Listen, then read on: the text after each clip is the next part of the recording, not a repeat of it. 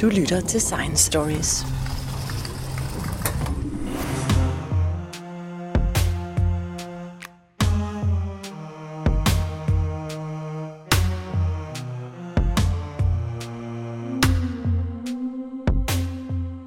The great auk was once a very common bird in the northern hemisphere. The bird could not fly, it was clumsy on land, and was easy to catch for sailors and people who used their feathers. Professor Gisli Palsson has found the description on how the last great auks were hunted down. This story was written by egg collector John Wolley and ornithologist Alfred Newton during their visit to Iceland in the summer of 1858, 10 to 15 years after the great auk disappeared. This story is both a tragedy, but it is also a symbolic story on how greed and ignorance can result in eradication of important animals with large consequences for the food chain and ecological balance forever. If this extinction of animals and ecosystem continues, the tipping balance of nature may even threaten humans. I have talked to Professor Gisli Palsson. I was aware of it uh, partly, uh, partly because the uh, species became extinct kind of in my backyard. I grew up in the Westman Islands and not far from Eldey of southwest Iceland, where the last pair of the great auk were killed in 1844. Growing up in the Westman Isles and in Iceland, uh, I had to be aware of, of the last great auks. Uh, it was an embarrassing case for Icelanders and kind of public guilt. Uh, Icelanders felt they had killed the species and made it extinct, and, and there was lots in literature and, and, and the media. But somehow that story lay dormant in my mind. But this bird was extremely common in the whole North Atlantic and polar area, and it was found all the way to Newfoundland, and uh, and it was actually used by by sailors uh, as as a bird they could easily catch and feed on. Yes, exactly, and that part of the story was usually unknown or or suppressed in Icelandic narratives for some reason. Uh, it wasn't until I guess the 19th century that uh, archaeologists discovered the remains of the bird in different parts of the North Atlantic. And um, clearly, it was hunted in not only Iceland but the Faroes, Greenland, the British Isles, and uh, Denmark, etc. And there are historical sources which um, clearly demonstrate that European sailors caught the bird in in Newfoundland, and, and that's quite a dramatic story. It's uh, 16th, 17th century, and uh, French and Portuguese uh, sailors, uh, when they had Europeans had uh, news from uh, Newfoundland about the birds and on Birds Island, so called in, in Newfoundland. Funk Island is one of the main ones. And the bird was hunted in, in thousands on, on the breeding grounds in, in the spring. And the sailors would salt the meat, eat it on the way back to Europe. So it was kind of, it's ironic, it was kind of fueling the colonial relations. Uh, the bird meat and the energy and, and uh, helping to continue the colonial links. And, uh, and one could say that uh, the bird really began extinct in the 18th century in, in Newfoundland. And, and what remained of the uh, species was scattered uh, populations in, in the North Atlantic elsewhere, and, and the last uh, breeding pairs in, in in, in southwest Iceland and and that says something of extinction. It's not something that happens with the two or three last pairs. It's something that takes a, a long time. In this case, it's a couple of centuries. And it was a big bird and and very heavy. Yes, it was about 80 centimeters and six kilos, lots of meat, and it was flightless, so it was vulnerable. It it would uh, only come. It was in the ocean most of the year, swimming extremely fast, but it had uh, sacrificed uh, the ability to fly for for swiftness at sea, and it only crawled on skerries in May, June to to have an egg and raise one one chick. Otherwise, people didn't know much about it. They knew the looks and sort of the character, even the colors and behavior at sea. But then, when it was near to be extinct, then uh, the hunt for the bird really uh, went on because then it was the museums who wanted to have uh, copies of it. Yes, and interestingly, there was one uh, uh, living copy in Ole Worm's Wunderkammer in Copenhagen, and and Worm got his uh, bird from the Faroes and had it on a, on a leash like a dog uh, in his Wunderkammer, and there's a famous drawing of of his. But uh, when, as you say, when, when the species became rare, the, uh, the remaining birds became more valuable, and there was a systematic hunting, not for meat anymore, but uh, feathers and, and skins for stuffing. And um, Danish traders had a, had a network, uh, merchants in Iceland and Faroes and elsewhere who would uh, hire local fishers and experts in, in the bird to have some uh, species and, and uh, that's what happened in Iceland. And local merchants in in the southwest coast of Iceland they arranged for these travels which were um, complex. I mean you needed one or two vessels open rowing boats and two crews would be 28 men. And these uh, uh, hunting expeditions were extremely risky. I mean strong currents and over the centuries uh, uh, when Icelanders hunted the bird for meat, basically, occasionally uh, an entire crew would, would die on a single journey. But this was uh, rewarding if you were successful, and, and an ordinary crewman would get a salary for a laborer for one trip. Uh, the the fisherman would get uh, something like uh, he would get for a whole summer working as a, on a farm in, in, in, the northern part of the country. So um, obviously it was uh, relatively good pay. So they really had to do a, an effort in order to, to catch the last uh, auks. Yes, the uh, the last expedition took uh, practically two days.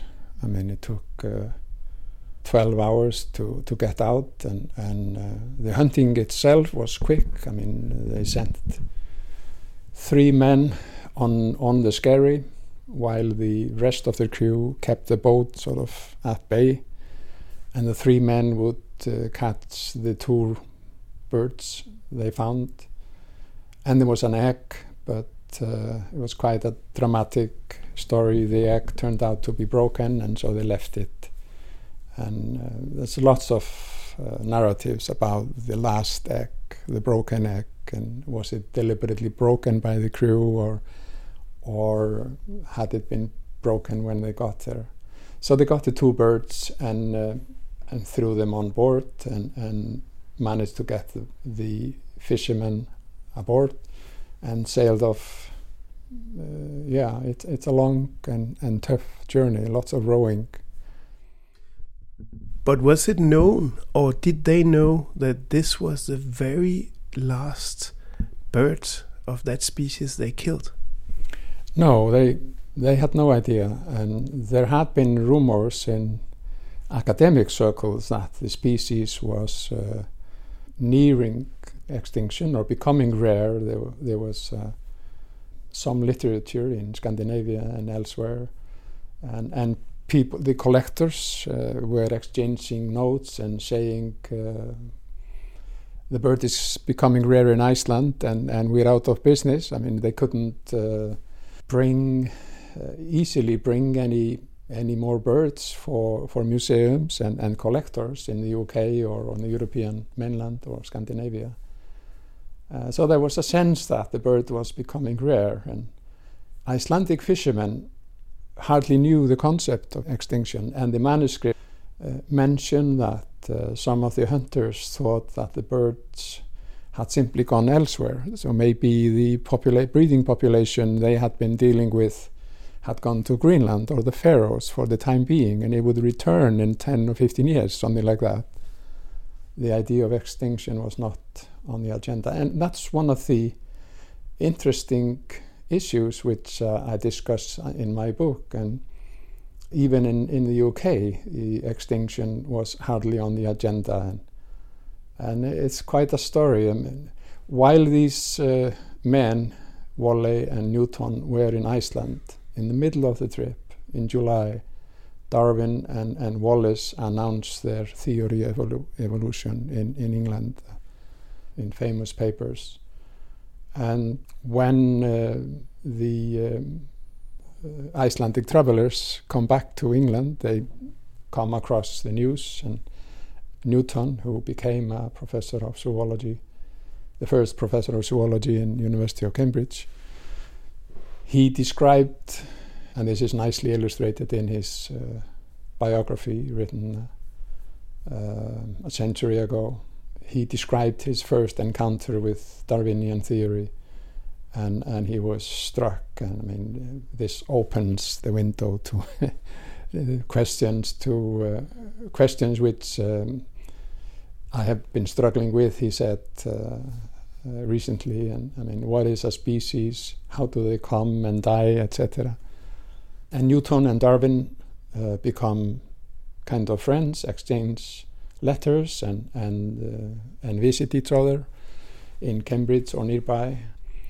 But there's a an important difference between them. And Darwin uh, extinction, of course, was uh, important for Darwinian theory. I mean, evolution happened because uh, species became extinct and new ones would would arrive arrive under the the pressures of competition and and uh, natural selection. But in the Darwinian world, uh, extinction was a long durée. It happened over millennia, millions of years, maybe. And and extinction was kind of, despite this uh, key role in in uh, evolutionary theory, it, it was hardly on the agenda for for the Darwinians. And if one reads uh, on the origin of species, uh, extinction is only mentioned a few times. It's kind of taken for granted. It happened in the past. It's gone, and that's it. But Alfred Newton, the ornithologist who went to Iceland for these last birds. Uh, his point was extinction is happening here and now, and it's caused by humans, not just the uh, uh, forces of natural evolution. So people are arguing now that uh, Newton's work deserves to to get back in, in the public on the public agenda because uh, and I'm arguing in, in my talk and, and my book that the the birth of extinction, kind of the concept, the idea, happened through Newton's work on the great auk, and he became a pioneer of of, uh, of bird protection and and uh, passing law in England on on uh, to avoid extinction and. Um, so it's there's a lot of drama packed in, in the narrative on the Great Auk. But it was also a little uh, paradox in a way that it was the museums who actually uh, forced the killing of the of the last uh, auk, so to say. Yes, this is the contradiction of of uh, museum collecting, and, and uh, it's beautiful to see all this stuff in the in the museums, including the Zoological Museum of Copenhagen of course, and and uh, it's nice to have examples of species that have gone for good. But the uh, museums uh, uh, there were hundreds of them in the world, I guess, at the time. They played their own role in in uh, making these lots of species extinct and hunting for them systematically and financing the expeditions and and even these guys. John Wolley and Alfred Newton were, were caught in this dilemma. They would often collect many eggs from the same species in Scandinavia. John Wolley was in, in Samiland in northern Finland and Norway. And they went to the Faroes and Iceland, and, and they would collect uh, sometimes many samples of eggs and birds, typically. And, and there was a market in Cambridge and elsewhere where, where they could sell kind of their spare copies, which did not go to the museum sales, they intended to, and, and use the uh, revenue for financing their own exploits. And, and uh, uh, apparently, Newton had the ambition of, of getting a great auk alive and keeping it uh, in, in a zoo in England. And it would be fun for a while, but people like them, with their genuine motive of uh, of preserving species and documenting extinction and, and theorizing bird protection, etc. They they were caught in the same uh, same economic and financial dilemmas as, as the museum. What do you think that the major lesson we can learn from from this story? That's uh, that's the key point. I think uh, there's a growing literature of what people call uh, extinction studies, and it's uh, only a few years back uh, uh, since I at least became aware of the term. And, and there are anthropologists, philosophers, and literary scholars, etc. And, and there's lots of theorizing and thinking going on. what is extinction and why does it occur and when? and uh, it's complex to uh, synthesize, but it's obviously on the agenda now with the, the UN report of the mass extinction. I mean, possibly a million species is going to disappear in, in the near future. And in the case of birds, there's a rapid uh, downfall in numbers. In, in America, I heard recently, uh, uh, there are only two thirds of, of the number of birds that, that used to be on the continent uh, 10 or 20 years ago. So uh, it's a sharp decline, decline and and uh, one of the things uh, these people are saying, the extinction studies people, is that extinction is not something that happens uh, fast. It's not something that just happens with the last organisms. And, and there's lots of studies of, of the last snail in Hawaii and the last great auk in Iceland, etc. All of this is uh, alive and well now because uh, species are falling one after another in the front of us. But uh, extinction is a process. And this is something Alfred Newton realized. It's uh, although he was busily uh, looking for the last birds, he still realized that the extinction would take a, a long time. And, and, in the case of the great auk, uh, uh, one can argue that uh, the extinction process began with the mass slaughterhouse in Newfoundland in the in the 18th century. Another key question in in the extinction studies domain is uh, what disappears with the disappearance of the last organism? And and the answer is uh, that uh, it, it's not just the, the autonomous body. I mean, the what disappears is is a network of relations, even a culture, a, a tradition of uh, bird colonies, and uh, there's lots of talk nowadays about trees and, and, and, and the fact that uh, a forest really looks like a single organism, a single being. And the uh, root networks, the rhizomes uh, hidden underground, connect uh, possibly thousands or millions of trees in a forest. And the fibers and, and roots uh, communicate via chemical signals and they literally talk.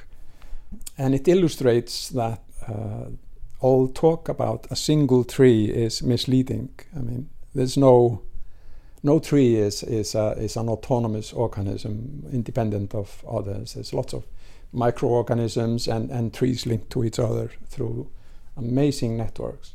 And the same argument can be, although species differ and we're not all trees, the same argument can be applied to, to any living organisms. An organism is, is part of an environment, and the environment is in the organism.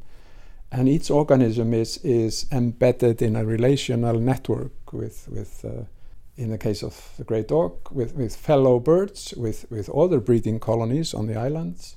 And uh, when extinction happens, uh, this ensemble or, or relational network or collapses. And, and if this happens on, on a large scale, as it does today, especially with the prognosis for the next year, the, the mass extinction, then it's uh, possibly a, a, a, massive collapse of an entire ecosystem. And it's likely that, uh, given the prognosis, uh, even humans will not be spared.